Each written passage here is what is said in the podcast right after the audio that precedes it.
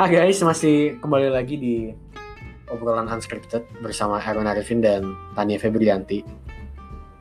Halo. Uh, ini kembali lagi karena karena masih karena WFH kita sangat produktif. tetap Iya, tetap membuat konten. gitu, jadi produktif itu dengan cara berceloteh gitu ya. Yoi. Lu ngerasa gak sih ka- ketika bikin podcast gini tuh energi lu kembali lagi gitu? Iya, sih. Karena bacot sebenarnya. When you gitu kayak me- mengeluarkan energi lo gitu. Bener. Dan itu yang kita butuhkan sekarang. Oke. Iya, So uh, gitu loh. topik yang mau kita obrolin hari ini tentang um, masih seputar COVID-19 dan juga working from home.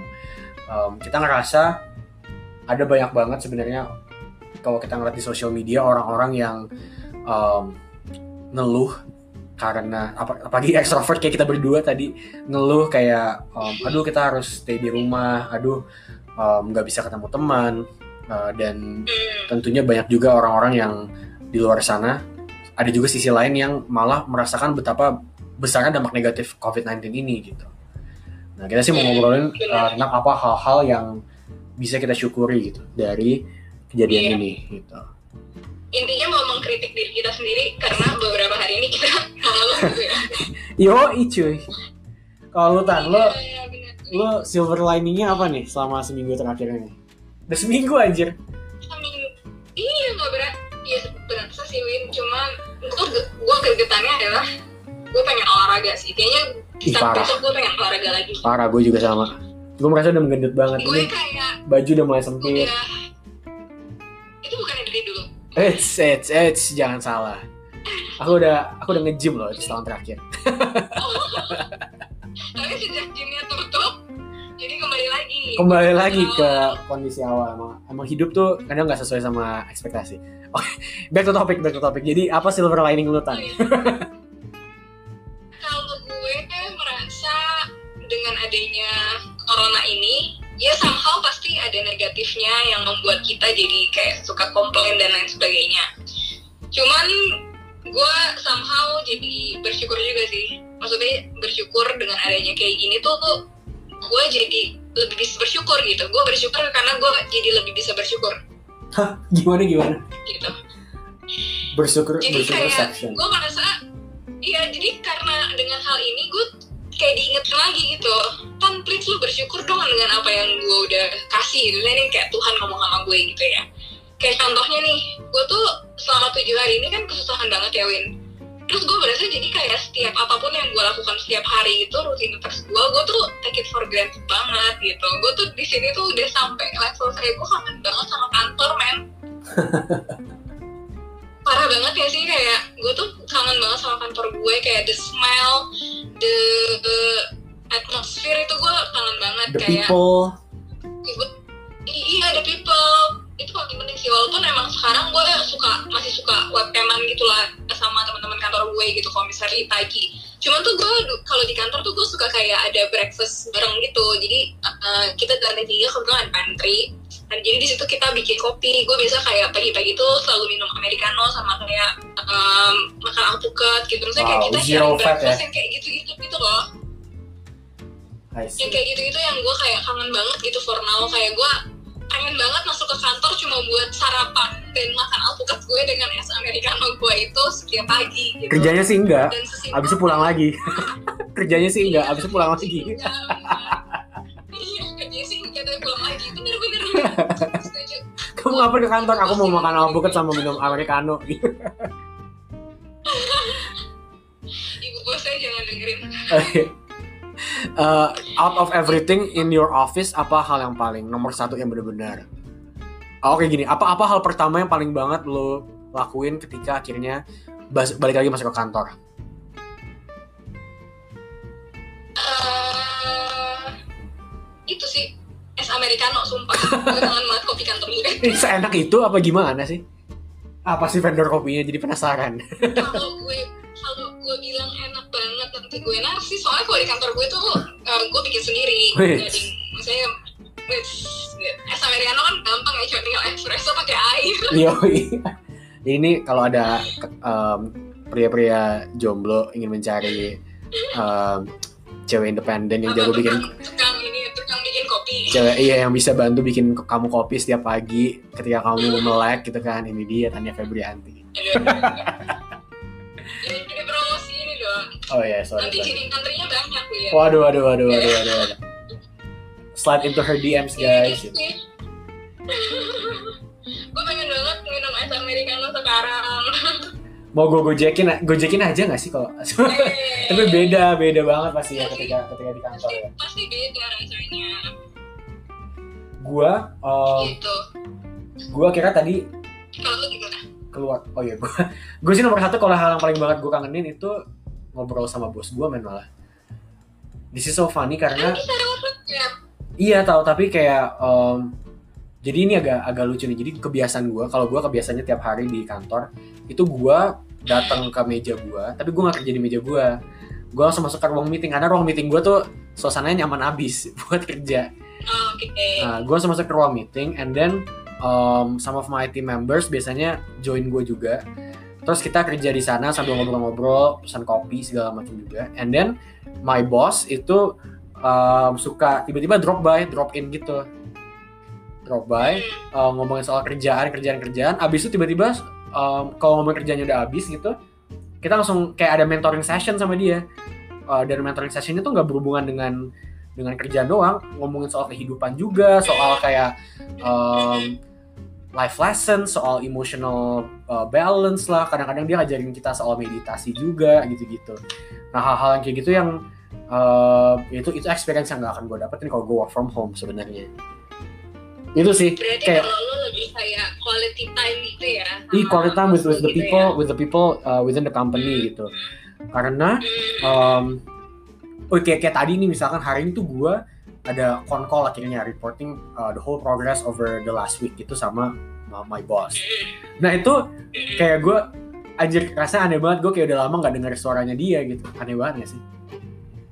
Terus tapi kayak kayak sama seru juga. Dan dia karena mungkin bos gue gue gue appreciate banget bos gue kali ya. Jadi dia kayak beneran kayak kamu gimana? Eh, di rumah keluarganya segala macam ini.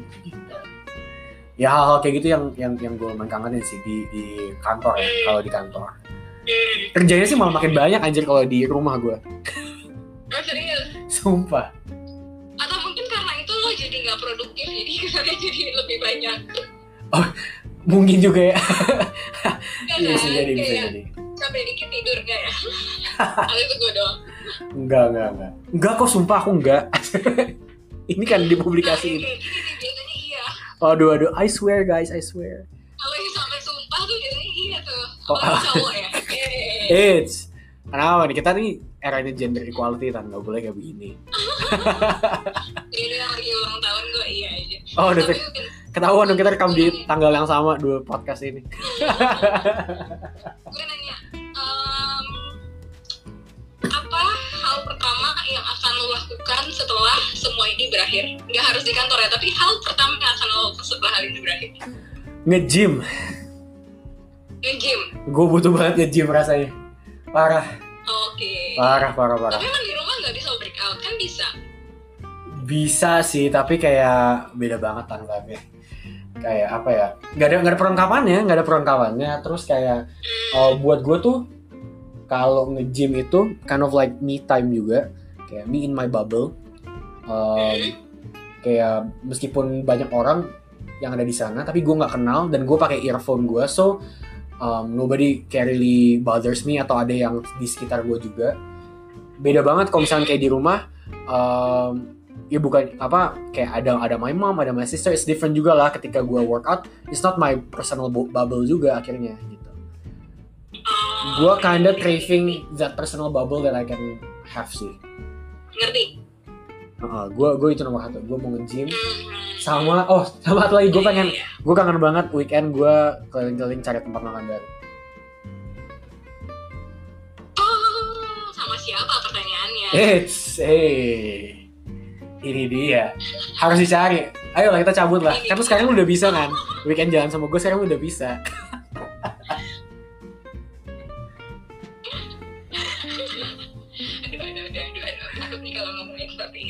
oke. Sama sama siapanya sih bisa diatur lah. Ada eh, oh, seolah-olah kayak gue kayaknya gue banyak banget gitu opsinya padahal ya nggak ada juga opsinya. Lebih ke arah, ke arah sana gitu. Jadi hati-hati ya kalau yang deketin Erwin kalian tuh ternyata. Waduh waduh. Bukan satu-satunya. nggak ada nggak ada. Gue nggak ada yang nggak aduh jadi jadi ngomongin ini jadi beda topik. Kalau lu apa tan? Kalau lu apa hal Kalau pertama yang kamu gue- lakuin Gue akan gue kangen banget dress up sih Win jujur. Gue juga. Kayak gue lelah tiap hari pakai piyama dan tidak make up gitu. Nggak pakai alis gitu ya?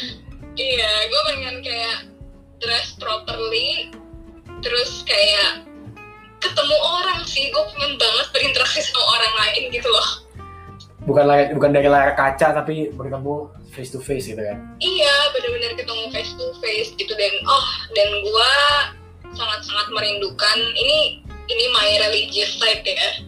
Gue sangat-sangat merindukan beribadah di gereja sih. Hmm, hmm, hmm. karena kayak eh, dari se 20-an tahun hidup gue ini gue tuh nggak pernah yang namanya ibadah online benar. Baru karena kasus ini gue baru pertama banget ibadah online. Itu pertama minggu terus tadi karena gue kan eh, gereja gue itu selasa jumat tuh ada pendalaman alkitab. Sama tadi tadi malam. Bukan, tapi gue rasa kalau di Indonesia I think ibadah online itu adalah experience pertama deh buat kebanyakan orang.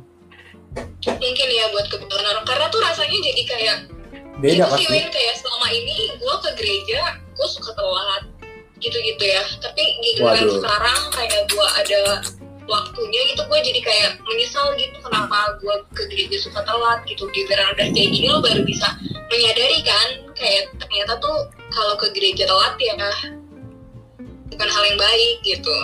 Tapi gue juga sih kangen sih kayak gue harusnya nih um, kan ini kita menuju kalau buat yang umat Kristen kan dan Katolik kan kita menuju masa Paskah kan. Gue tuh harusnya tugas nyanyi di gereja Paskah ini tapi akhirnya di tapi akhirnya dibatalin juga gitu karena karena the whole COVID-19 Iya, iya, iya. situation. Padahal seru banget men, gue tuh uh, jadi, jadi curhat gue. Tau gak sih di di, di, di dekat di dekat Menteng tuh ada uh, kedutaan besar Vatikan. Di sana tuh ini bukan sih yang ini apa itu di mana ya sederetan sama Museum Nasional. Eh Museum Nasional lagi, Galeri Nasional. Galeri Nasional Indonesia, Kementerian Perikanan sederetan di sana.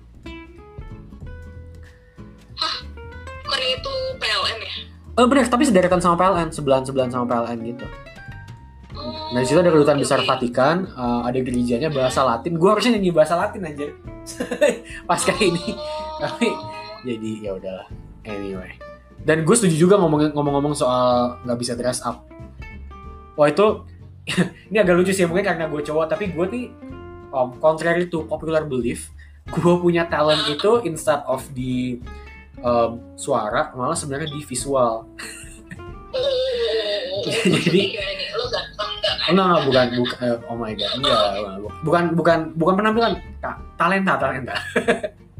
kayak sebenarnya gue orang tuh visual banget, jadi kayak gue belajar sebenarnya visual bukan dari audio, gue juga tes bakat berkali-kali, my talent is in visual sebenarnya. Nah, jadi gue ngerasa juga kayak gue kalau pakai gue kalau misalkan hangout tuh sebagai cowok gue lumayan niat lah gue lumayan properin lah gue pakai baju apa gitu kan. Kayak choices of color segala macam. Nah sekarang karena di rumah kayak gue ya udah gitu. Ngaso aja gitu pakai kaos bola Iya, pakai celana Iya, basket. yo men.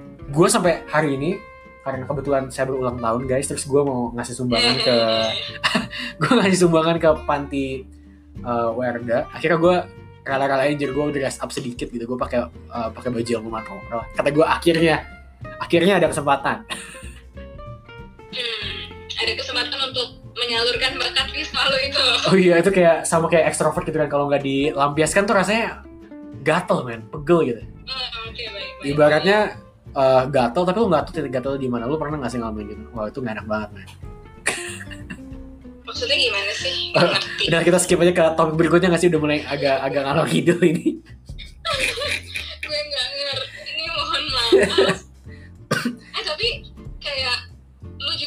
Berasa kangen liburan kayak gitu gitu nggak sih? Kayak gue kangen banget ke laut. dengerin- bener gue Ya, kangen iya, banget ke laut.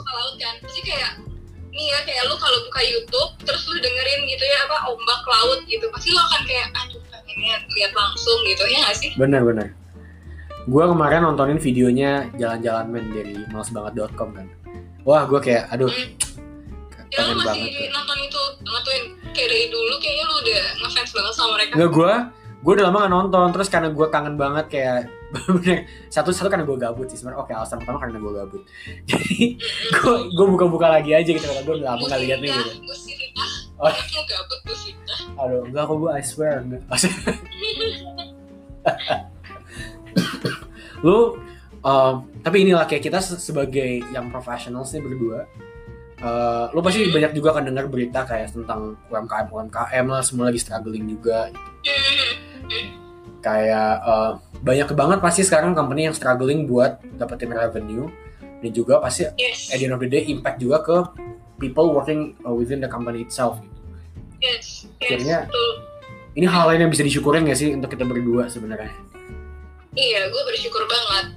Gue bener-bener bersyukur dengan apa yang masih gue dapatkan hari ini. Masih bisa makan, masih bisa nonton Netflix, masih bisa main Instagram. Bisa bikin podcast podcast. dua kali ya Iya. Berkarya, bikin dua podcast dalam satu hari. wow Dan itu gue bener-bener bersyukur sih.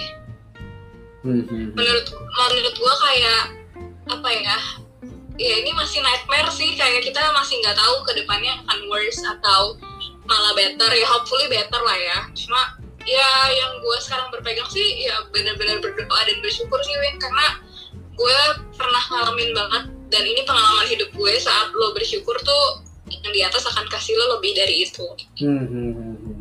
gitu. jadi kayak lo bersyukur dengan A nanti yang di atas akan kasih lo A plus nice betul betul betul tapi iya sih Gitu. kayak dan gue udah ngalamin sendiri gitu dengar cerita orang-orang ada yang nggak tahu bulan ini dapat gaji apa enggak ada yang tiba-tiba Iya. lay off juga gitu kan PHK benar Wah. benar gue itu kayak bersyukur banget bener sih. bayangin kalau itu terjadi sama lo gitu ya lagi kayak gini nggak bisa keluar rumah terus semuanya di serba era digital terus tiba-tiba lo di lay off gitu kayak wah Shit. lu sih butuh banget moral support deh Benar. sih dan kayak dengan keadaan kayak gini kan lo nggak bisa ketemu teman-teman lo dan lain sebagainya gitu. Itu pasti kayak akan sangat berat. Kalau buat gue sih itu sangat berat ya. Tapi betul mungkin ada orang yang bisa itu lebih baik dari gue iya. Dan lu mau job hunting juga gimana caranya men? Nah, bener. Mau job hunting juga bingung kan. Karena company-company lain pasti fokusnya lagi nggak ke hiring new people. For Iya lah. now. mengikat mengikatkan mengecangkan ikat pinggang gitu loh. Iya bener. Jadi it's very hard sih. dan lu tau gak apa yang paling lebih parah lagi? Lo lagi kayak gini ya nggak bisa ngapa-ngapain lu nggak berdaya. Lu buka sosial media isinya orang curhat soal work from home. Anjrit Oh iya. wah gila lo Iya iya. Kayak berasanya gila lo nggak bersyukur banget. Iya. Lu masih bisa ada- Gue udah kehilangan pekerjaan gue. bener bener lu masih WFH masih ada W nya masih ada wordnya gitu Hmm. tiba-tiba cuma FH doang wah Kalau gue cuma FH doang gitu kan. aduh gila sih gue nggak bisa ngebayangin sih man gue nggak bisa ngebayangin Iya kan. Makanya sih. Tapi gue percaya banget maksudnya hal itu pasti dikasih ke orang-orang yang bisa bisa menanggungnya gitu loh, yang Betul, mampu bisa recover. gitu. Yes, gitu. Gak mungkin eh, Tuhan ngasih gitu ke orang-orang yang ya maksudnya nggak mungkin yang melebihi kekuatannya lah gitu. amin Menurut gue sih gitu.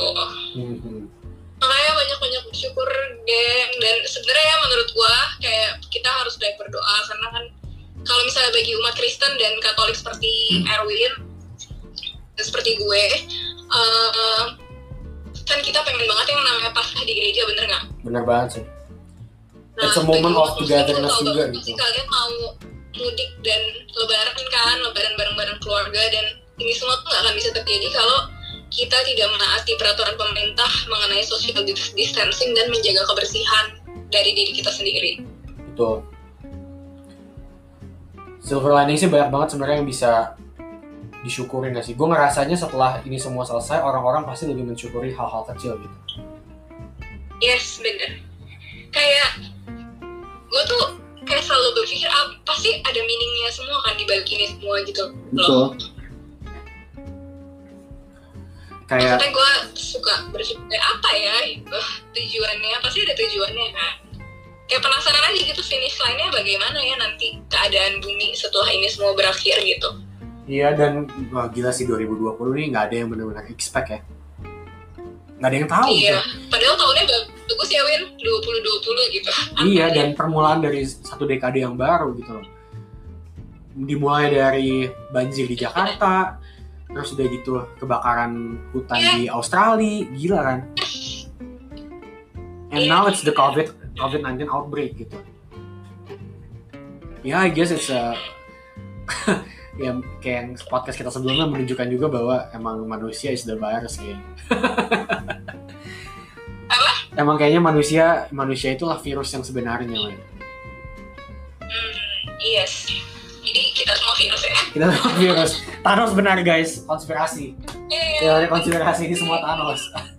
Konspirasi ini semua benar. Aduh. Kayak- ya ya maksudnya kayak sekarang Venice juga katanya ya, sungainya lebih bersih tapi Iya. katanya ini apa eh, polusi udara di Jakarta tidak menurun loh dengan Oh ya? WFH dan lain sebagainya tapi menurut gue sih itu karena ada benda yang tidak bergerak aja sih yang menghasilkan polusi kayak eh, pabrik Hmm.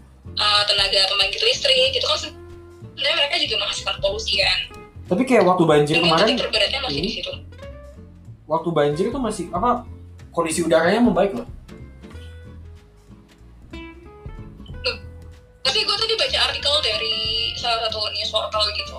Dan dia menunjukkan kamu tahu kan ada aplikasi yang indikator oh iya iya iya. eh, kualitas udara. ya benar-benar. Eh, di Jakarta Jakarta tuh masih jadi 10 kota yang kotor wow. udaranya. Bisa jadi karena banyak orang yang masih bandel sih. Gua gua waktu weekend tapi kemarin gue ketanan lebih banget ya sih. Oh ya? Kayak, soalnya gua kemarin nih gua tuh weekend kemarin grocery shopping kan gue grocery shopping eh, ya mau nggak mau karena harus supply di rumah. Jadi gue keluar dari kandang. Gak gue ngeliat jalanan rame banget men. Jalanan tuh masih rame jadi kayaknya kayak people are not obeying atau mungkin mereka berpikir hal yang sama kayak gue. Jadi "Ya udahlah gue keluar weekend karena mau grocery shopping. Nggak tahu juga ya. Bisa jadi juga gitu loh. Atau mungkin cara berpikirnya kayak lu ya weekend grocery shopping oke gitu. Iya jadi bersama-sama kita grocery shopping guys. Eh malah polusi tapi iya bener-bener gue juga gue juga ngeliat lucu juga ya. Ya well. Tapi cerita satu sih. Jadi pas denger YouTube salah satu gue dia tuh tinggal di Jerman gitu Win. Nah dia tuh membagi kan eh, pengalaman orang Indo yang ada di Italia yang terjadi di Italia sebenarnya gitu. Nah jadi di Italia itu kan pertama ada satu keluarganya lu tahu cerita awalnya gimana gimana? Jadi tuh pertama tuh ada satu orang Italia yang kerja di Wuhan di Cina lah pokoknya. Nah dia itu dia tuh udah tahu kan masalah yang si virus-virus ini. Dia takut dia balik ke Italia dia balik ke Milan kalau nggak salah. Pokoknya kalau nggak ada satu kota kecil lah gitu di eh, daerah Milan situ. Hmm. dia balik. Nah dan dia lolos thermal oh gitu. Check karena apa apa nah, dia balik ke Milan. Eh, dia itu dong sama temennya meet up lah. Ini kayak eh gue back in town gitu yuk kita ketemu gitu kan. Nah akhirnya dia ketemu sama dua temennya sama istrinya. Pokoknya berempat tuh mereka makan di restoran. Nah pulang dari situ baru kelihatan simptomnya. Dia dan istrinya dan kedua temannya itu pokoknya positif corona. Nah habis dari situ kan orang-orangnya itu tidak social distancing tuh di Itali kan. Hmm. masih chill aja lah gitu masih keluar bla bla bla bla bla bla gitu. Nah eh, akhirnya pas saat case nya itu udah naik jadi berapa baru terjadi panik buying tuh. Hmm. katanya harga masker yang biasanya di Italia itu 2 euro tiba-tiba bisa jadi 200 euro. 200 euro tuh sama kayak 2 juta men. Wow. Serem banget kan? Iya. Nah, habis dari situ eh, akhirnya mulai mulai social distancing nih, tapi belum lockdown ya hmm. keadaannya. Itu di bagian Lombardi area. Jadi kan Lombardi itu banyak tuh kota-kota kecil, tapi yang paling terkenalnya Milan lah ya. iya Nah, pokoknya uh, case-nya makin meningkat, meningkat, meningkat. Karena kayak uh, baru di Lombardi doang tuh, belum ke, ke daerah Milan yang lainnya, belum ke negara bagian yang lainnya. Nah, terus uh, rencananya itu pemerintah itu mau lockdown si Lombardi doang itu tanggal 8 Maret oke hanya saja uh, beritanya itu sudah leak ke wartawan. Jadi tanggal 7 Maret tiba-tiba orang tuh udah tahu bahwa besok akan di lockdown. Jadi beritanya leak oh Nah. akhirnya orang nyebar keluar kabur. akhirnya orang nyebar pulang ke kampung halamannya masing-masing pada tanggal 7 malam tuh. Itu katanya bener-bener keadaannya chaos di stasiun-stasiun. Kayak sampai orang tuh eh, aduh gue pengen banget beli ka- beli karcis kereta gitu beli tiket kereta untuk balik ke hometown gue gitu. Nah akhirnya karena lagi itu orang-orang udah keburu ke hometown akhirnya udah Itali. Jadi banyak banget tuh karena itu. Hmm. jadi titik poinnya sih itu karena information leak. Jadi si Lombardi itu belum sempat di lockdown udah keburu ke mana-mana orangnya. Wow. Gila sih. Dan mereka bandel juga memang bandel banget itu sih iya masih nongkrong masih ke mana-mana gitu Jadi apakah ini salah satu hal yang perlu kita syukuri sebagai orang-orang Jakarta? Tapi orang Jakarta juga sama bandelnya sih. Gak bisa dibilang gak tapi bandel menurut juga. lo eh, Jakarta ini termasuk yang eh, terlambat atau pas atau lumayan cepat untuk melakukan work from home ini dan Hmm. di rumah aja Menurut gua agak kelamaan sih. Udah Agak udah agak kelamaan men gitu loh kayak udah kelihatan banget ya sebenarnya sumbernya tuh di Jaksel gitu loh. Udah dari kayak I think dari dua minggu sebelum work from home beneran di dicanangkan gitu kan. Itu udah udah sebenarnya udah semua kasus tuh dari Jakarta Selatan, Jakarta Selatan gitu. Dan karena si Igos itu kan Iya benar kasus pasien satu dan dua itu kan. Nah akhirnya dan menurut gue pemerintah tuh nggak nggak transparan gitu, nggak transparan soal sebenarnya berapa banyak yang potensial em, kena. Karena gue yakin pasti banyak banget lah. Lu kan nggak berasa ketika pertama kali kena lu nggak tahu juga gitu loh. Ya lo ketemu ketemu orang aja. Kalau perlu ketemu sama si pasien ini terus lu ketemu sama berapa banyak orang lagi gitu. Jadi sebenarnya tuh udah ketika udah ada yang positif satu tuh harusnya dari awal udah di ini ya menurut gua gitu dan emang bener kan kejadian emang akhirnya nggak transparan juga gitu lah argumen kita iya iya ya mungkin harusnya dari yang pas kemarin itu kena udah dua orang harusnya udah ini ya social distancing dan lain sebagainya ya. Iya harusnya udah langsung belajar dari negara-negara lain lah gitu. Mhm. bener sih. Tapi ya semoga sih cepat berakhir ya gue bener-bener kayak Iya, "Duh, ini kapan berakhirnya gitu. Iya gue bener dan gue yakin semuanya sih pasti akan akan akan berlalu juga dan pasti um, iya bakalan kembali normal. kan? this too shall pass ya. Tapi the thing is kita sebagai apa gue ini baca berita juga.